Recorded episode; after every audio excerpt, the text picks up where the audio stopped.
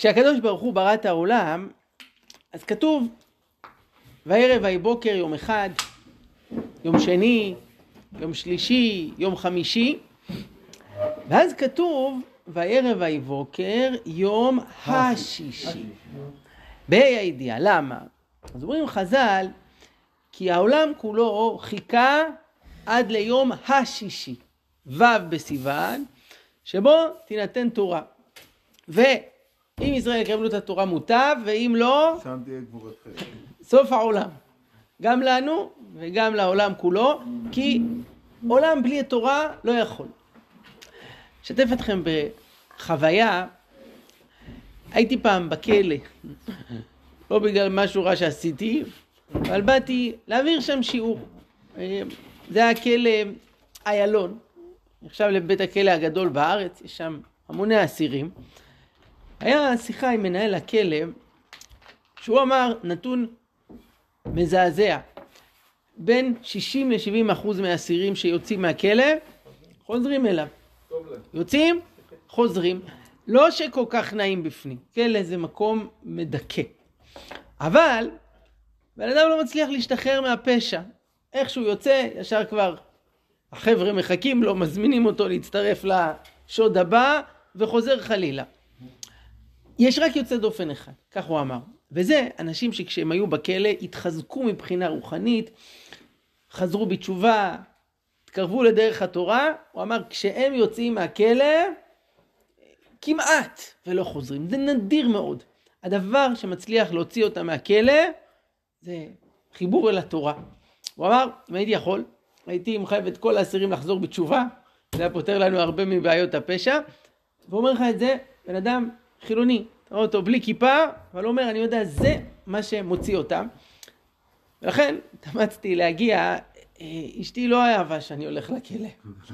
אתה מבין, אתה יושב שם בעיניך. בשיעור, אתה פתאום מזהה פרצופים ואתה אומר, ההוא מה זה מוכר לי? אה, נו בעיתון, רצח כפול, וההוא בכלל. אנשים באים, יש שם מדרשה בתוך הכלא, והם יושבים ולומדים תורה, גמרא, תנ"ך, אמונה, הלכה, וזה עושה משהו. אז זה הכוח העצום של התורה. ובכל זאת, נשאלת השאלה, האם יש גבול לדבר הזה? כלומר, האם לימוד תורה זה תמיד דבר חיובי, נפלא, מרומם, בכל מצב ולכל אדם, או שיש לימוד תורה שנגיד זה לימוד תורה פסול. האם יש אדם שעליו נגיד, את האדם הזה עדיף שלא תלמד תורה. ה- ה- האיש הזה, בשבילו תורה זה לא טוב. מה אתם אומרים? לא, יש מצב אחד ברור, שבא לקנטר, שהמטרה של הלימוד זה לפעמים ללמוד, הוא בא לדעת את האויב, והאויב זה התורה, אז כן. משם, מי מי שבא לקנטר. מי שבא במגמה הזאת, ברור ש... כן, כן. זה אחד המקרים כמעט... שומע. אוקיי, מה עוד? תלמוד תורה זה, זה מעל הכל. אז לכן מה?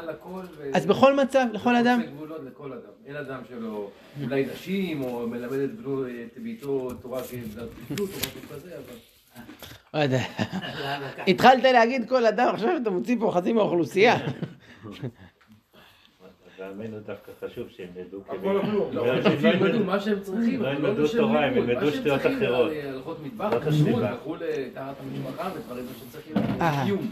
כן, כן, אומרים שהאדם ילמד תמיד אפילו שלא לשמה, שמתוך שלא לשמה בא לשמה. כן. גם. לא לשמה, בכל מקרה. לא יודע אם אתם מכירים את המושג, אבל יש בתי מדרש שמכנים את עצמם בתי מדרש חילוניים. מה הפשט בזה? לפני שמונה שנים היה השבעה של הכנסת התשע עשרה, ועלתה שם על הדוכן דוקטור רות קלדרון. אומר לכם משהו השם הזה? אישה מאוד מלומדת, משכילה, עשתה את הדוקטורט שלה בתלמוד, והיא עוררה רושם גדול כי היא סיפרה בנאום ההכתרה שלה מתוך הגמרא במסכת כתובות, אה, מעשה ברב רחומי ואשתו, ודרשה שם ככה וככה, וזה היה חידוש גדול שעל בימת הכנסת בנאום הכתרה, אה, מספרים פה ככה סיפור מתוך הגמרא, אבל האישה הזו היא, היא באמת אוהבת אה, גמרא, אה, היא שייכת אה, בית מדרש שקוראים לו אה, אלול, ועוד מקום שקוראים לו אה, עלמה, והאמת שזכיתי לפעם לבקר בעצמי בישיבת בינה, כך שמה בתל אביב, וזאת ישיבה חילונית, כך היא מגדירה את עצמה, ישבנו שם עם הראש ישיבה, הוא מעביר את זה שיעורים בגמרא ובתנ"ך וכולי, ואתה רואה אותו, אישה? אה, ראש ישיבה, איש, איש, איש אה, יהודי נחמד, אה, יודע ספר, אבל הוא גלוי ראש, אה, והוא ראש הישיבה. והוא סיפר שהם ביקשו להתקבל לאיגוד ישיבות ההסדר, ודחו את בקשתם. אמרו, אבל מה, אנחנו גם אה, ישיבה, לא הסכימו להם. אה, כיום יש אה, כארבעת אלפים אה, צעירים חילונים שלומדים בישיבות חילוניות, ותבינו, זה לא מישהו שגדל מגיל אפס על זה שהתורה... אמ, לא מכינות, מקום שיש שם לימוד תורה. מכינות זה הם בנגיעות, אבל מקום שיש שם לימוד מרכזי של, הם קוראים לזה מורשת ישראל, כשלמעשה הגישה היא ללמוד כדי לדעת ולא כדי לעשות. נכון, זה לא דבר שהוא מחייב, לא רואים את ההלכה כדבר שאתה צריך לקבל עליך עול מלכות שמיים ולהקפיד על כל תג ותג. הניתוח של הטקסטים, קוראים לזה, ושל הדמויות, הוא לא באיזה יראת כבוד שאנחנו עוסקים כאן באישים רמי מעלה, בקדושי האומה, אלא זה, זה יותר טוב מספרות, כי זה כן סיפורים שהם אולי היסטוריים, זה חלק מהמורשת שלנו, זה לא סתם סיפורי אה, אגדות, אבל אין את היראת כבוד שאנחנו מוצאים אה, בבתי מדרש, אה, וכשלומדים תנ"ך, אז לא רואים את זה כאיזשהו אה, דבר שבא מהמקור האלוקי. זה טקסט אה, אנושי שהתפתח במהלך הדורות, יש פה הרבה השראה, הוא מאוד אה, מעניין. משתמשים גם הרבה כלים פרשנ... בכלים פרשניים אה, מודרניים ספרותיים, ומגיעים כל מיני דברים מעניינים. ושאלה איך להתייחס לבתי המדרש האלה, בתי מדרש חילוניים.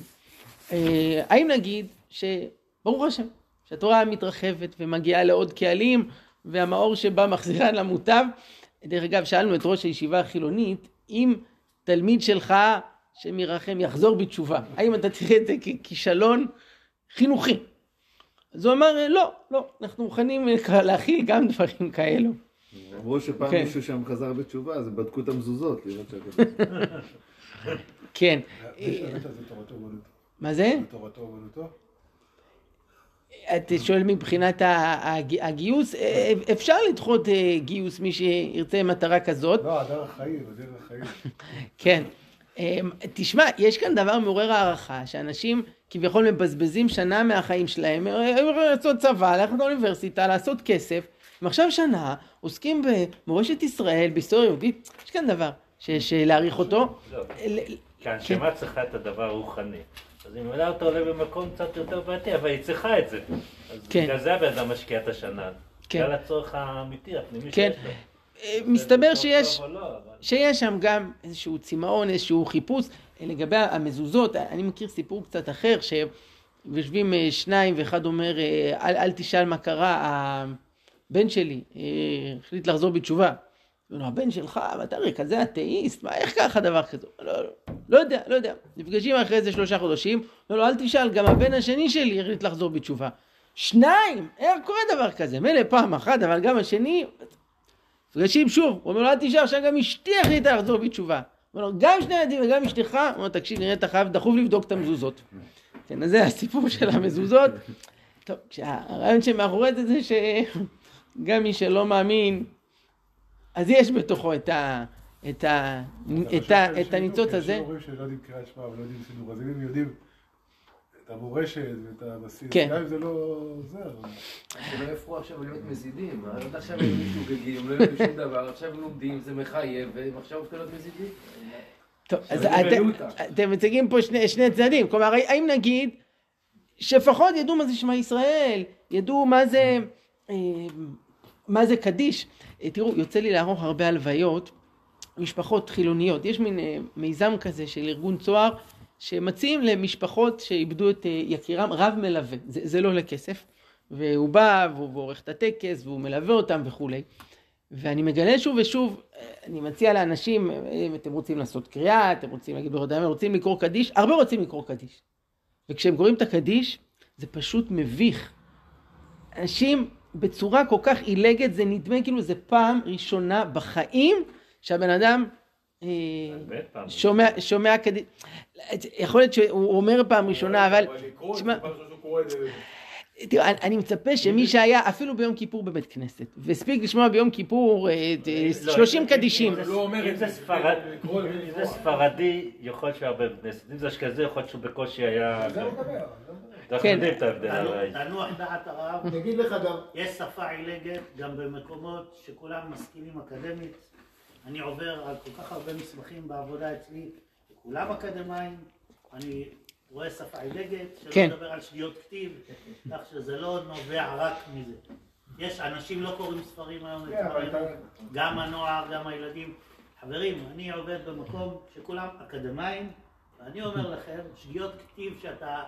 אני רוצה, תמיד מספר את הסיפור, הייתי צריך לריב עם מישהו עם תואר שני, שמחירון כותבים בחטא ולא בכף, למרות שהוא לא מבטא את החטא, מה לעשות? סיפור מהחיים שלי. תוסיף לזה ערבית, אז בכלל. אומרת שדווקא עכשיו אמרו שפעם ראשונה שנשיא מדינת ישראל אמר קדיש בצורה רהוטה ויפה, באמת, הרצוג כן. עכשיו אמר קדיש כמו שצריך, כן. בא מבית אה, דתי. בכל זאת הסבא רבא שלו היה איזשהו... נכון. כן, אז קודם כל הוא גדל, קודם כל הרצוג הם גדלו, לא סבא אה, רבא, הסבא. הסבא שלו, יש הסבא להם שלו. מסורת מאוד חזקה. כן, אז אמר קדיש ממש בלי, אה, לא בצורה עילגת, כמו מי שצריך. שלא יודע, הבת שלו אמרה אה, אה, קדיש, אבל היא הוסיפה בסוף הקדיש, אה, על- לא על כל עם ישראל, אלא על כל בני האדם וכל הזה. כן. עכשיו בנושא מה שאמרת, שפתאום התפלאת שאנשים הם, הם קוראים את הקדיש בצורה מאוד אה, עילגת, אז אני אגלה לך סוד קטן, שאתה לא יודע אולי. רוב החילונים אין להם מושג מה זה בית כנסת. רוב החילונים שאני מכיר, אני מכיר כמה אלפים, לא הרבה, המקרה היחידי שהם היו בבית כנסת, אם הם היו, אי פעם, בברית. כן. כן? אני יכול להגיד לך גם למשפחה שלי, כמו שהוא אמר, אצל אשכנזים זה כמו חשמל, אפס ואחד. אצל הספרדים יש את הקטע שבשבת זה לאט לאט מתחיל כן. להידרדר כמו שאומרים, אבל אצלם יש את הקטע של שבת, הולכים לבית כנסת פה ושם, רואים טלוויזיה, קידוש, הכל, אבל יש את הקטע המסורתי. אצל, החילון, אצל האשכנזים, אני יכול לגלות לך שבבר מצווה של הבן שלי היו כאן בני דודים שלי, הם אמרו מה זה? בני דודים שלי, כן. כאילו לא, לא אנשים זרים, כן. אין להם מושג. אז לאור כל זה, אז לכאורה טוב, עדיף שילמדו. תמיד, עדיף שילמדו. כן, שיהיה להם מושגים. אמר פעם הרב שך והרב אה, נכון, עובדיה יוסף על שולמית אלוני, שהיה לה ידע ענק בתורה, הוא אומר עדיף כאלה מאשר עגלות ריקות. בשמו- בשיבור- שומר הצלם הם אמרו, רצינו לגדל כופרים והקדמנו המרצים. אמרתי, נכון.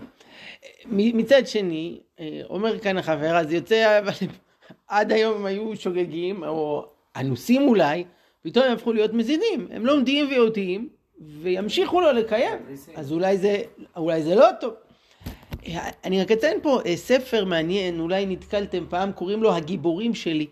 כתב אותו אה, יהודי שהיום הוא מכהן כראש ממשלה חליפי במדינה מזרח תיכונית. והוא עוסק בתנ"ך, מביא שם פרשנויות מאוד מעניינות, אה, למשל על עקדת יצחק, יש לו פרק שלם, והתזה שלו שם, שעקדת יצחק היה כישלון מהדהד של אברהם אבינו. כי בעצם מה שהיה צריך לקרות זה שכשאלוקים אומר לו, קח נא את בנך את יחידך, אז הוא היה צריך להגיד לו, לא, צריך לסרב פקודה, וזה שהוא הלך ועשה את זה, זה הכישלון. הכישלון הגדול, נכון, של אברהם אבינו. אמנם יש איזה קושייה קצת מהפסוקים, כי מישהו יסתכל בפסוקים רואה שאברהם דווקא מקבל אה, שכוח על הדבר הזה, ועד היום אנחנו תוקעים בשופר בראש השנה, למה? להזכיר את אלו של יצחק, אז אם היה פה כישלון, מה כל כך מתפרעים הדבר הזה? טוב, אז זה קושיות. בכל אופן, אה, כתב ספר והוא אומר שככה בהקדמה שם שבשעות הפנאי שלו אז הוא אוהב אה, לקרוא בתנ"ך אה, ו- וכולי וכולי. אמ, אין הרבה כאלה צערים. בואו, בואו, העלינו פה את הצדדים השונים, אבל בואו, תציצו איתי שנייה, יש כאן כמה מקורות מעניינים על השאלות שהצבנו כאן. מצד אחד, אומרת הגמרא בעשרת פסחים, משפט הידוע, לעולם יעסוק אדם בתורה ובמצוות, אפילו שלא לשמה, שמתוך שלא לשמה בא לשמה. מכאן עולה שגם לימוד תורה שלא לשמה, יש לו מקום. ראוי. מצד שני, הגמרא במסכת יומא אומרת ביטוי חריף ביותר, הלומד לא לשמה, נעשית לו כסם המוות. סם המוות, ככה להגיד על אה, לימוד תורה, הבן אדם למד לא לשמה, עד כדי כך. טוב, אז מה עושים כשיש סתירה? אז בדרך כלל עושים חילוק. כאן דובר על לא לשמה מסוג X, ופה דובר על לא לשמה מסוג Y. אז כך אומרים בעלי התוספות, אה, במסכת אה, ברכות, אה, שם יש ביטוי אחר, העושה שלא לשמה נוח לו שלא נברא. כן, חבל שבאת לעולם. ביטוי חריף מאוד. שואל התוספות, ואם תאמר, אמר אבידו לעולם יעסוק אדם בתורה אפילו שלא לשמה, שמתוך שלא לשמה בא לשמה, יש לומר, דאחא מאירי שאינו לומד אלא לקנטר חבריו, ועתה מאירי שלומד על מנת שיכבדו. אומרים בעלי התוספות, יש שני סוגים שלא לשמה. סוג אחד, זה אדם שלומד מתוך כל מיני אינטרסים, כמו למשל, שיכבדו בשביל אה, כסף. דבר כזה ילמד, שלא לשמה, ומתוך שלא לשמה עשוי לבוא לשמה. נעיר בסוגריים, שאומר רב חיים מוולוז'ין בספר נפש החיים, צריך לדעת שזאת לא הבטחה, שאדם יעסוק שלא לשמה ומובטח לו שהוא יבוא לשמה. אדם יכול כל החיים שלו להיות תקוע בלא לשמה הזה. רק כוונת חז"ל להגיד ש- שעדיף ויש סיכוי שמפה הוא יתקדם, אבל אם הוא לא יפעל כדי אה, להשתדרג, הוא עלול להיתקע כל החיים בשלא לשמה. מצד שני, יש סוג אחר שזה הלומד על מנת אה, לקנטר. ופה היו בהיסטוריה לא מעט מקרים שסבלנו מאוד מיהודים. שלמדו תורה וגרמו לנו נזק מאוד גדול. אה, דוגמה לדבר היה אה, בתקופות שהיה רדיפה של הכנסייה הנוצרית את הדת היהודית והכריחו כל מיני גדולי ישראל לעמוד ב... לעמוד בעימות אה, מול אה, הצד השני, כשהכמרים הם לא היו כל כך אה, מלומדים, אז הביאו אה, יהודי שהמיר את דתו, אה, למשל הרמב"ן בוויכוח אה, סרגוסה, ויכוח ארוך שהיה שלושה ימים, אה, כן הרמב"ן בסוף ניצח בוויכוח, אבל אתם יודעים שגדולי ישראל שהלכו לוויכוחים כאלה, היו בין הפטיש לסדן, כי אם אתה תפסיד בוויכוח, הלך עליך. אם אתה תנצח בוויכוח, אז גם הלך עליך. והרמב"ן בעקבות זאת נאלץ אה, לעזוב אה, את אה, ספרד, אה, בזכות זה הוא בסוף הגיע לארץ ישראל, אבל זה היה כתוצאה מהוויכוח שהוא הוא ניצח בו, כן, והוא פרסם את הפרוטוקולים, אולי זאת הייתה הטעות. בכל אופן, מי שעמד מולו זה היה יהודי מומר. היה לפני שנים פה בארץ בן אדם בשם ירון ידען שחזר בתשובה ואחרי זה חזר בשאלה אבל בין לבין הספיק לבלות כמה שנים בבית מדרש באופקים אה, למד כמה דברים ואחרי זה הקים ארגון ששמו דעת אמת שמטרתו ללמד את דעת האמת לכל מיני אה, חרדים אה, בורים ולהשכיל אותם בשקר שיש כביכול בתורה והוא הוציא קונטרסים רבים שהם הם ממש כתובים בלשון אה, תלמודית כמו כאילו אתה קורא עכשיו שו"ת הרשב"א ופיזר אותם. פעם אחת הסתבך עם משטרה שאחד מאנשיו נכנס לישיבת חכמי לובלין ופיזר שם אה, אה, את הקונטרסים ותפסו אותו ו- וכולי. כן באמת לשם שמיים להחזיר אותם בשאלה ל- ל- להאיר את אה, דעתם והוא משתמש בכל הידע שלו ומביא אה, ציטוטים מפה וציטוטים משם כדי להראות את אה, חוסר מוסריות וטעויות מדעיות, וכן על זה הדרך שיש אה, כביכול בתורה ובדברי חז"ל. אז זה לימוד תורה המסוכן, על מנת לקנטר, שעל זה באמת נוח לו שלא נברא ושנהפכה שלייתו על פניו. יש ביטוי נוסף, וזה הבאתי כאן במקור הרביעי, הלומד שלא על מנת לעשות, נוח לו שנהפכה שלייתו על פניו. שזה כבר דבר שהוא, זה מצב יותר מרוכך מישהו שהוא בא פה לקנטר, אבל מבחינתו הלימוד כאן זה לא מחייב, אה, לא אמור להוביל אותו לשום עשייה, יש פה ביטוי מאוד חריף, נוח לו שנהפכה שלייתו על פניו. איך לאור מה שראינו צריך להתייחס לבתי מדרש חילוניים? אתם רואים? תלוי מה המטרה. כן. לא, שמה? אבל המציאות התלמודית היא מציאות אחרת, זה לא המציאות שיש לנו היום. כן. המציאות התלמודית זה כמו, איך אמר לי פעם אחד מזקני תימן, אנחנו לא היינו אומרים, הרינו מתירים להתפלל עם עבריינים, כי לא היה לכם אף אחד, לא ידעו משהו אחר. כן. כולם עשו תורה, לא- לא הכירו משהו אחר. היום המציאות היא שונה. והשאלה האם אתה רוצה, ולצערנו הרב, גם כשאני הייתי בצבא, הדור שלי גדל דור לידינו והיינו, היו איתנו אנשים חילונים, שזה לא ידעו שום דבר, זה לא עניין אותם. אני באתי יום אחד לעבודה, אומר לי, אחרי ראש שנה, אומר לי, איך היה חול המועד? אז זה עצוב, זה אולי מצחיק, אבל זה עצוב. אבל, אז לכן, יש, יש היום תוכנית בבתי ספר חילונים שנקראת טלי, תגבור לימודי יהדות. כן. אז זה בסדר, אז גם אם הניואנס הוא לא עד הסוף, אבל בעיניי, כן, עדיף שידעו משהו, כן.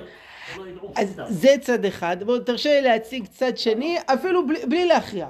מצד אחד, רוצים שלא יהיו בורים, שידעו מה זה שמע ישראל ומה זה קדיש ומה זה חול המועד וכולי. מצד שני, אולי עדיף לא לדעת כלום, מאשר לחשוב שאתה יודע, אבל מה שאתה יודע הוא מופיע בצורה אה, עקומה, בצורה אה, חילונית, בצורה שמחללת את הקדושה שלו. לו לו יצויר שבחור חילוני בן 18 בא להתייעץ איתכם, האם עדיף עכשיו שהוא ילך לשנה לאיזה ישיבה חילונית לפני שהוא ילך לצבא, או שאולי עדיף שהוא ילך לצבא, צבא הגנה לישראל, מצווה גדולה, אה, להגן על העם, ואולי בהמשך חייו אה, יפגוש אנשים אה, באוניברסיטה, אולי ילך לאיזה שיעור ויפתח לו הראש, אבל שהוא לא יצא עם שנה שהוא כבר יודע. זו שאלה כבדת משקל. מזכיר, אבל בישיבה החילונית, כן. אני לא מכיר, אבל מה, הם לומדים ויורדים לתילי תילים של ההלכות? לדעתי הם לומדים באופן שטחי את הסיפור. הם לומדים את בתנ"ך. הסיפור התנ"כי. הם לומדים, תנ"ך לא יודע בתנ"ך. מה הם לומדים בתלמוד, אולי הם לומדים קצת... אז זה לא יכול להביא אותם למצב שיתחילו לפסוק כהלכות, כי זה לא המטרה שלהם, זה לא מעניין אותם. הלכות פחות מעניינות אותם, זה קצת טרחני ויבש. מחפשים יותר סיפורים. רוב המידע או הידע כן. שיצאו איתו זה סיפור ברמה, גם אם הוא שטחי, אבל היסטוריה. כן. ברמה של היסטוריה. זה לא. רע, זה לא רע. כן. זה לא. וזה שהם מתייחסים לאישי התנ"ך כאנשים כערכנו, אה, זה שהם מתייחסים לתנ"ך כספר אה, אנושי, לא אלוקי, לא מחייב. זה ממילא הג- הגישה הבסיסית. כן. זה ברור לי. אבל אם, אם אתה שואל אותי, עדיף מישהו שיודע מה כתוב בתנ"ך, בסדר? כן. מה כתוב, לבין מישהו שלא יודע, עדיף מישהו שיודע מה כתוב. בעיניי. תודה. אז שמענו פה את הצדדים השונים. אה, תראו, ב- ב- ברור לי שהם לא לומדים שם בשביל אה, לקנטר, זה לא בא מרוע לב, אבל יש פה גישה בעייתית ויש לה מחירים. אה, על משקל אחר, יש כאלה שאומרים עדיף אה, חילוני על רפורמי. למה? חילוני, יום אחד סיכוי יחזור בתשובה, אבל רפורמי, מי שנאחז בתפיסה אחרת, תפיסה שהיא לא נכונה, אז הרבה יותר קשה להשתחרר מהדבר הזה, כי כבר יש לך משהו ואתה מאמין בו. אני רוצה לשאול שאלה נוספת, ככה הזמן שלנו קצר. אה, נגיד אתה ראש ישיבה, אבל לא ראש ישיבה חילונית, ישיבה דתית. האם בקבלת תלמידים יש פה איזשהו סינון שתלמיד מסוג מסוים, אתה תגיד, זה לא. אחד כזה אני לא רוצה שיהיה בישיבה שלי. יש דבר כזה? ודאי. מה? מה, מה הקריטריון? תראה, שלא יקלקל לך את שאר התלמידים. שלא ישפיע לרעה. כן, כן. אה, טיפוס שלילי, מה הכוונה? במה? במעשיו. סמים וכאלה. הוא הלכת רחוק. אין הגדרה, אבל כל אה, בית חינוך קובע לעצמו. כן, לצערנו זה לא רחוק כל כך. כן. מה, מה אתה מתכוון? זה שומר סמים, זה לא רחוק כל כך. כן. אנחנו מכירים גם אה, בתי אבל לימוד לא רעים בכלל. שיש שם הרבה חבר'ה עם סמים. כן, אנשים אה, כן. לפני צבא, צעירים בדרך כלל שם. כן. בוא, אני, בוא, הבן שלי סיים הסדר. גודל כיפה, הולכים עם ציצית, לא הולכים עם ציצית. זה מגדיר אותך? זה, זאת אומרת, אם ילד, בחור שבא לישיבת הסדר לא הולך עם ציצית, אסור לקבל אותו? שאלה, אני שם את זה בכוונה על השולחן, כי זה נושאים, אני לא חושב שלפי זה אתה נמדד. התורה. אז השאלה אם אתה לא מפסיד אנשים בגלל זה. גודל הכיפה קובע, לא קובע? לא, לא, המלחמה בציבור החרדי. סליחה, בוא, עדיף נראה. יעשו כלום מאשר יעשו. בוא נתקדם, בוא נתקדם הלאה, סליחה, אנחנו, רוב רובנו יש ילדים, נכון? נכון. שאלו, שאלו את הילד שלי שהיה בכיתה ו', כמה זמן מתוך התפילה אתה יושב בתוך בית הכנסת? הוא אמר, אצלנו לא יוצאים, אני לא מכיר משהו אחר. אבל יש הרבה שחצי מהזמן התפילה מבלים בחוץ, כי אבא בחוץ. ואז מה, אז לא מקבלים אותם לישיבה תיכונית? לא יודע. בכיתה ז'? אז אני אומר שוב, שמראיינים אותם על הדברים כן, האלה. ראינו הבן שהתחיל כיתה ז' בישיבה תיכונית, ושאלו אותו כל מיני שאלות. עכשיו, הוא יודע אם אתה הולך למורי? אבא שלך לימד אותך? טוב. אז בואו נראה, בואו נראה, אה. האם יש תמרור אין כניסה? האם יש דברים שחז"ל אמרו, אחד כזה לא מכניסים לישיבה? אמ, הגמרא במסכת חולין אומרת, כל השונה לתלמיד שאינו הגון, כזורק אבן למרקוליס, שנאמר כצרור אבן במרגמה, כן נותן לכסיל כבוד. יש כאן דימוי שאדם שמלמד, כי אנחנו מדברים פה על המורה, תלמיד שהוא לא הגון, נשאיר שנייה באוויר את השאלה מה זה תלמיד שאינו הגון, זה שאלת מיליון הדולר, אבל מי שמלמד אחד כזה זה כזורק אבן למרקוליס. למה הדימוי הזה של זורק אבן למרקוליס? אז מרקוליס כידוע זאת הייתה עבודה זרה, שאיך היו עובדים אותה? היו משליכים עליה אבנים. ואז חז"ל פה רוצים להגיד, כן, אה, אומר את זה רב, שאדם שזורק אבן למרקוליס, גם אם הכוונה שלו עכשיו לבזות, לגנות את אותה עבודה זרה, הוא מיידע עליה אבן, אבל מה הוא גורם בזה? שהבא בתור כשמגיע לכאן, מה הוא רואה? שהר האבנים שיש ליד המרקוליס הוא עוד יותר גבוה. כלומר, אתה התכוונת אולי כוונה טובה בשביל לשלול את זה, אבל בעצם אתה מעצים את הכוח שלו. זה בדיוק מה שעושה מי שמלמד תורה לתלמיד שאינו הגון. למה? כי יוצא שהתורה שאתה זורק לו, מה עלול לקרות איתה? היא הופכת להיות, כן, יהפוך להיות כלי שיגרום אה, נזק. זה עוד פירוש אה, ברדיצ'ב, מה שאני לך עכשיו. אה, לא, פשט אה, שהוא אבן למלכות, זה כעובד עבודה זרה. ככה את הפשט. אה, לאו דווקא אתה זורק כדי לבזות. איפה כתוב שאתה זורק כדי לבזות? כן, אבל, אה, יש המון דוגמאות של עבודה זרה. מה הם בחרו דווקא את, הדוגמה הזאת? אמ, אמ, באותה מידה אפשר להגיד אה. פוער זה גם לפאור, היה- אבל הרעיון בדבר הזה, וזה גם, חז"ל אמרו, שגם מי שעושה את זה בשביל מטרה של לגנות אותם, זה דבר אסור. אני חושב שפה יש כאן, מעבר לזה, שזה לא רק אה, אתה נותן לעבודה זרה, אלא שהכוונה הטובה שלך נהפכת לרועד, זה בדיוק ההפך ממה שאתה רצית, זה מה שיוצא מהדבר הזה. והתברר לי שהייתה מחלוקת גדולה, זה, זה לא רק בתיאוריה הדבר הזה, היה מחלוקת בבית המדרש, אה, מחלוקת פרקטית, את מי להכניס ואת מי להשאיר בחוץ. מתי זה קרה? אז זה הגמרא מפורסמת במסכת אה, ברכות. אה, בוויכוח שהיה בין רבן גמליאל לרבי יהושע לגבי השאלה אם תפילת ערבית רשות או חובה, כולם אה, מכירים, ובסוף אה, רבן גמליאל אה, מבזה שם את רבי יהושע, עמוד על רגליך, ומחליטים להדיח את רבן גמליאל, ובאותו רגע גם משתנה מדיניות קבלת התלמידים. והסלקטור שעומד בפתח, מסלקים אותו, ונוספו מחלוקת בגמרא, האם 400 ספסלים או 700 ספסלים. ומעניין מה שמספרת הגמרא, שחלשה דעתו של רבן גמליאל, אמר דילמה חס ושלום, מנעתי תורה מישראל. הראו לו בחלומו חץ וחיברי דמליאן קיטמה, כלומר קדים לבנים שמלאים אפר שחור, שכביכול מה זה בא להגיד? כלום. אין בזה כלום. כן, כלומר, אלה שלא הכנסת, טוב שלא הכנסת. אמנם מבחוץ אולי יש להם חולצה לבנה וחליפה יפה, אבל בפנים זה אפר שחור, טוב שנשארו בחוץ. ומעניין מה הגמרא אומרת על החלום שלו. ולא היא. האי ליטובי דעתי ודאחזו לי. כלומר, ההכרעה פה של הגמרא, של רבינה ורב אשי, שדעתו של רבן גמליאל דחויה, והיה צריך להכניס אותה. באותו יום נשנית מסכת אה, עדויות, היה ריבוי גדול של, של תורה. אה, מעניין פה גם הסיום לשבחו של רבן גמליאל, ואף רבן גמליאל לא מנע עצמו מבית המדרש אפילו שעה אחת. אני יכול לדמיין כמה אנשים שברגע שהיו מדיחים אותם, מה הם היו עושים? עוזבים והם מקימים בית מדרש עכשיו מתחרה. בית מדרש מתחרה, בית מדרש חלופי. פועל יהודי טוב. כן, רבן גמליאל לא, מחרת בשמונה בבוקר הוא מתייצב בבית המדרש למרות שמישהו אחר יושב על כיסא הנשיאות בלי שיקולים של פוזה, של כבוד, אתם הדחתם אותי, אני אראה לכם, אין דבר כזה, מה?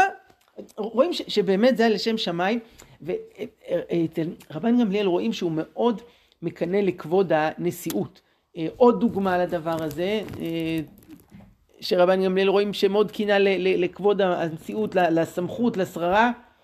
בסיפור מסרט ראש השנה, אתם זוכרים שהיה מחלוקת לגבי אה, עדים, האם הם אה, עדי שקר או לא, אה, אמר רבי דוסה בן, בן ארקינס, אך מעידים על האישה שילדה ולמחרת רואים אותה שקרסה בין שיניה, ושוב נחלקו רבן גמליאל ורבי יהושע, אמר לו רבן גמליאל, אני גוזר עליך שתבוא אליי במקלך ובמעותיך ביום הכיפורים, שיכול להיות בחשבונך.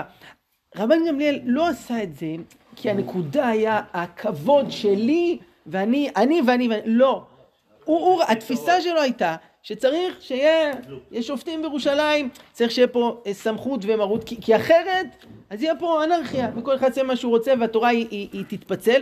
בכל אופן, כשהדיחו אותו, וזה כבר היה עובדה, חוזר לבית המדרש, בכל אופן, לענייננו, ובשביל זה הבאתי את, ה, את הסיפור הזה, רואים כאן שהייתה מחלוקת, והגמרא פה מכריעה שלא לשים כאן שומר בכניסה לפתח, אלא גם מי שאין תוכו כברו, שייכנס לבית המדרש. מצד שני, ראינו לפני שנייה שאסור ללמד תלמיד שאינו הגון. אז איך זה מסתדר? אוקיי, ועוז זה דרגת ביניים לפני הלא הגון, זה ברור. כן. לא הגון, זה מצב אה, גרוע יותר. אדם שיש בו אה, קלקול, כן? מה הגדרת הקלקול? זה, למ- זה שאלה קרוב גדולה. למקנטר. קרוב למקנטר הדסה. אין תוכו כברו זה מה? זה אולי מושלם, או יש לו סתירות פנימיות לפעמים אולי, משהו כזה, אבל זה הרבה בני אדם. כן, אה, אולי. גם אנחנו, כן. כן. למה במי שמגיע לבר מצווה אומרים בר מצווה, בן מצווה, ומי שיש לו עבירות אומרים בעל עבירה. כן, כי בעל ואישה, לפעמים, לא עלינו, הקשר מתנתק. בן הוא תמיד בן של הוריו. נכון. הראש הוא שבעל עבירה תמיד אתה, יש מצב בנים. תמיד נשארים בנים, לכן גם לעבירה קוראים עבירה, כי זה מלשון עבר. כלומר, היה, עבר, ממשיכים הלאה. עבריין זה אחד שהוא תקוע. בעבירה, הוא, הוא מתבוסס בה, הוא לא משתחרר ממנה, אבל באמת צריך להשאיר, להמשיך קדימה. לכן, כשנוסעים במכונית אז יש אה, אה, חלון גדול מקדימה ומראה קטנה לראות אותה מאחורה. בשביל להגיד, העיקר זה העתיד, קדימה, וגם אם היה טעות, גם אם היה עבירה, להמשיך הלאה. ונחזור לענייננו, אז נראה שיש כאן דירוג. יש מושג של תלמיד שאינו הגון, שצריך להיזהר מללמד אותו, עלול לקחת את זה למקומות אה, לא טובים. אה, ואומנם אה, יש אה, מושג שהמאור שבא מחזירן למוטב, מצד שני צריך לדעת שגם יש פה סיכון גדול. אה, הגר"א אומר על מה שכתוב יערוף כמטר לקחי, שהתורה זה כמו גשם, והגשם הוא מצמיח, אבל את מה הוא מצמיח? את מה שזרוע בתוך הארץ. מי שיש לו מידות רעות, ועכשיו הוא ילמד תורה, כשאין כוונתו לתקן את המידות וכולי, אז מה שיקרה זה שמאותה אדמה יצמחו קוצים ו- ודרדרים, ואז החילול השם יהיה עוד הרבה יותר גדול. זה לצערנו, ולא ניתן דוגמאות של כל מיני מקרים של אנשים שמתהדרים בתואר ובזקן וכולי וכולי, והמידות רעות ועשו מעשים מושחתים, איזה חילול השם נורא ואיום זה, הדבר הזה. כי אולי יודעים תורה, אבל זה הצמיח פה גם הרבה דברים רעים מאוד. תראו, אם, אם נסכם, דיברתי על שתי שאלות מתוך שלוש שהצגנו בהתחלה. שאלה אה, ראשונה הייתה לגבי היחס לבתי המדרש החילוניים. כלומר, ללימוד תורה שהוא לא מכיר בהכרח בקדושה, באלוהיות של התורה, לא רואה את זה כמורשת ישראל וכדומה. ראינו פה את הצדדים השונים. שאלה שנייה הייתה לגבי איזה תלמיד להכניס ואיזה תלמיד להשאיר בחוץ. וראינו כאן שהכרעה של הגמרא שגם מי שאין תוכו כברו להכניס, מצד שני תלמיד שאינו הגון צריך להיזהר מללמד אותו. שאלה שלישית בנושא שלנו, היא האחרונה ש, שניגע בה, זה שאלה מי ראוי אה, לפרש ואיזה פירושים ראויים להמר על המקרא וה, והתנ"ך. הזכרתי קודם את הפירוש של אה, אה, הרב יאיר לפיד, שליטה, שעקדת יצחק, מי שהצטרף אלינו ולא היה קודם, שעקדת יצחק זה הכישלון גדול של אברהם. כן, ויש לו שם עוד כמה פנינים אה, בספר. אה, והרבה פעמים כשאנשים אומרים פירושים אה, חדשנים ומקוריים, אתה אומר להם, מאיפה הבאת את זה? אז הוא אמר, מה? למה לא? הרי ככה כתוב שבעים פנים לתורה, כן? אז שבעים פנים לתורה, בואו רק אה, אה, אה, נראה את המקור, אין, זה, לא פסוק, אבל זה דרשה של חז"ל שבעים שקל ושקל לקודש למה? כשם שיין חשבונו שבעים, כך יש שבעים פנים בתורה. וזה נכון, התורה רחבה מני ים, יש בה עומקים גדולים, יש בה אינסוף רבדים ורעיונות. יש ספר ששמו תיקוני זוהר, שמביא שבעים דרכי פירוש על המילה הראשונה של התורה בראשית. הוא מביא לה כל מיני צירופים. בראשית זה אה, תאב שיר, אה, אתר יבש, ו- ו- וכל צירוף יש לו רעיונות וסודות גדולים. יש ספר ששמו אה, מגלה עמוקות, שמביא 252 פירושים על הפסוק הראשון בפרשת ואתחנן. אור החיים הקדוש מביא 42 פירושים, הפסוק הראשון של אה, פרשת בחוקותיי. זה ספר, זה, זה נגיש לכל אחד, ואתה רואה פה אין סוף רבדים ויש את הפרדס וכולי וכולי. האם זה אומר שכל פירוש שכל אחד יגיד הוא לגיטימי? אז ברור שלא. ושימו לב שיש 70 פנים ולא 7,000. וגם לא 71. יש ריבוי.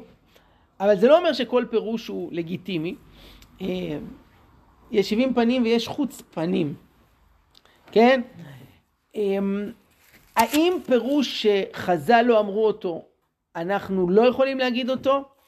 אמ, אנחנו רואים שגדולי ישראל לא הלכו בדרך הזאת, כלומר יש מקרים שחז"ל, למשל ביחס לחטאי אה, אבות, אה, רואים שהרמב"ן בשלושה מקרים הוא מצביע על חטאים אצל אברהם ואצל שרה שלא רואים בחז"ל לפניהם, אבל ככה הפרשנות שלו, ויש ראש הריש ויש אה, אחרים, אה, למרות שחז"ל אה, לא אמרו, אבל אה, רע להגיד, כמובן זה, זה נעשה מתוך הכרה בקדושה ובענקיות של אבותינו, ועדיין, אה, מה זה אומר לגבינו? אז יש מי שיגיד, טוב, אנחנו לא רמב"ן, אנחנו לא ראש הריש, אנחנו כבר... מצד שני, מי אמר? אולי גם היום, אפשר להגיד פירושים חדשים, ושערי דרשות לא ננעלו ושערי פירושים, ואדרבה, זה התורה, חיי עולם נטע בתוכנו שהולכת וצומחת ומתחדשת. אה, יש היום גם כלים פרשניים שלא פסו להשתמש בהם. הייתי פעם בשיעור שעשה ניתוח ספרותי, אה, זה היה בפרשה של המאכלות המותרים והאסורים. ואני לא מבין גדול בספרות, אבל זה היה פשוט מרהיב איך הצליח בכלים ספרותיים לנתח את ההשוואה והוציא משם תובנות אה, נפלאות ויפות. אה, אמרתי, אה, וואו, אולי צריך יותר ללמוד ספרות, לעשות עוד ניתוחים כאלה, וזה לא פסול, משתמש, כמו שאנחנו משתמשים באמצעים טכנולוגיים בשביל דרכים אחרים, ויכול להיות דברים שלא היו ביד חז"ל, וזו התורה שהולכת ומתחדשת בכל דור, אבל כל זה בזהירות וביראת קודש.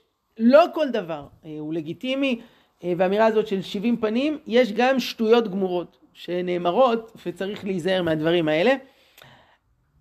אני רוצה אה, לחתום בשתי נקודות למחשבה, ככה שמוזמנים לקחת אותם הלאה. למעשה דיברתי פה עד עכשיו על שלוש שאלות. שאלה אחת היה זה היחס לבתי מדרש המכונים חילוניים. שתיים, האם לעשות סלקציה לתלמידים מי נכנס ומי לא נכנס, ראינו פה הבחנות שונות, תלמיד שאינו הגון, אין תוכו כברו.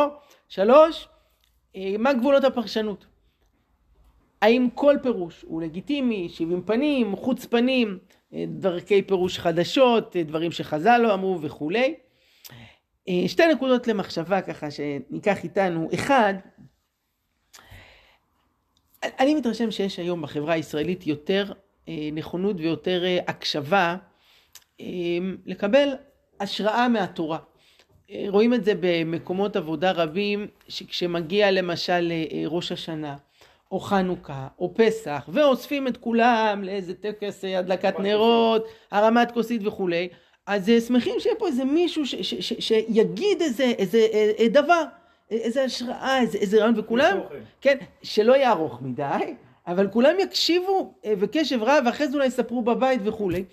אמ, כשהייתי בצבא, אז אה, שירתי במדור אה, תודעה יהודית, עסקנו בכתיבה של אה, תכנים בעיקר, ושלחו כל שבוע בתפוצה מאוד גדולה שהרבה קצינים היו מקבלים איזשהו רעיון לפרשה, וגם קצינים חילונים, היה הרבה, שכשאספו את החיילים ככה סוף שבוע, יום שישי, שבת וכולי, היו אומרים לחיילים, כן, את הרעיון שאנחנו היינו שולחים, ואדרבה, אנשים הרגישו ש... תשמע, אני בן אדם מאוד uh, משכיל, אני רחב אופקים, יש לי יד ורגל, במק... וזה נפלא. אה, יש uh, תוכניות בגלי צה"ל, אתה תראה, כשמגיע יום חמישי בשבוע, אז uh, סוגרים את השידור בחמש דקות האחרונות, שומעים פה משהו מפרשת השבוע. ויש פה הקשבה, זה, זה נפלא. לצערנו, לפני הקורונה היה איזו מחלה אחרת ש, שקצת גרמה לרתיעה, קראו לה הדתה. אתם זוכרים את זה? המחלה הקודמת, כן, ואז עשו הפחדה כזאת, הדתה, הדתה וכולי, אז, זה קצת גרם לאנשים לפחד ורתיעה, אבל במצב הבריא והנורמלי... זה מיעוט מאוד מאוד קול, מיעוט קטן מאוד, אבל קולני. נכון, נכון. עם ישראל בבסיסו זה עם שהוא אה, מסורתי, הוא, הוא, הוא מחובר, הוא, הוא, הוא פתוח, אנחנו מאמינים בנשמה שיש בכל יהודי, ויש בזה אחריות. לכל אחד, איפה שיש הזדמנויות לטפטף, אה, לתת, זה, זה, זה חשוב מאוד. אה, סיפרתי לכם קודם על ההלוויות, שיוצא לי להשתתף אה, לצערי לא מעט, אה, לערוך טקסים כאלה, משפחות חילוניות לגמרי, אני רואה פער עצום בין הלוויה שהייתה קורית בלי רב, שהם היו עושים טקס מאוד מינימליסטי, לבין כשאתה מכניס משהו מהמסורת היהודית, זה, זה משדרג את הטקס, את ההרגשה, את התחושה שלהם ברמה שקשה לתאר. ומעבר לזה, שאני גם לא מתבייש להגיד להם שם, תראו, אנחנו עכשיו אה, נפרדים מהסבתא, אבל כיהודים אנחנו מאמינים שגם המוות זה לא הסוף, ואדם זה לא רק גוף, אדם זה קודם כל נשמה, וגם כשהגוף נטמן באדמה, הנשמה ממשיכה הלאה, ותראו, אני רואה בעיניים של האנשים, פתאום, איזה ברק, זה, זה נותן איזה סוויץ' בכל ההסתכלות על מה שקורה פה, כי במבט אה, מטריאליסטי, אתאיסטי, מוות זה נורא, זה, זה, זה, זה, זה, זה הסוף, זה, זה הסוף. אין כלום אחרי זה, יאכלו אותו התולעים ולא נשאר שום דבר. במבט יהודי, מוות זה על, עליית מדרגה, נגמר פרק, עוברים על הפרק, זה, זה אחר לגמרי, והם כל כך שמחים ל, ל, לדבר הזה, זה מתנה שאנחנו כאנשים מאמינים יכולים להעביר הלאה. נקודה שנייה למחשבה, אמרנו שיש כשלושת אלפים צעירים חילונים שלומדים בכל מיני ישיבות ובתי מדרש חילונים וכדומה. ואני שואל, מה, מה האלטרנטיבה? כלומר, נגיד, לא מוצא חן בעינינו, בתי המדרש האלה, שזה בלי מחויבות, ואין בזה את היחס של הקדושה, האם אנחנו יכולים להקים אה, בית מדרש לצעירים חילונים, משכילים, אה, שחיים בעולם פוסט מודרני, אה, אינטליגנטים, ותהיה שם תורה כזאת שתדבר עליהם, שהם ישבו והם יקשיבו והם יתחברו ויקחו מזה השראה, אני חושב שזה אתגר גדול עבורנו כציבור דתי ומאמין, מה אנחנו מציעים להם? יש לנו הצעה בשבילם? אפשר להקים מוסדות כאלה והם יבואו? השאלה היא, סליחה, השאלה כן, היא... זהו, אני סיימתי, כן. השאלה היא מה אתה מעביר להם למשל, אם זה פרשנים שאנחנו חיים עליהם, שאנחנו מכירים אותם, אם זה האור החיים, אם זה הרמב"ן, אם זה... כן. המפרשים שאנחנו לומדים אותם. או אותו. או מישהו- משהו עכשווי, שמישהו המציא איזשהו רעיון, אז אותו מלמדים. השאלה היא באמת מה מלמדים בד- בדבר הזה. כן. טוב, אני משאיר את השאלה בכלל על האוויר. קחו את זה איתכם. יישר כוח גדול לכולם, חזקו ואימצו, ו-13 שנה ועוד 13, ש- ועוד 13 שנה, ושיהיה הרבה הצלחה והרבה בריאות לכולם, ותמשיכו פה בשבוע הבא עם הרב אה, רן, שיחזור בעזרת השם. שקוייך.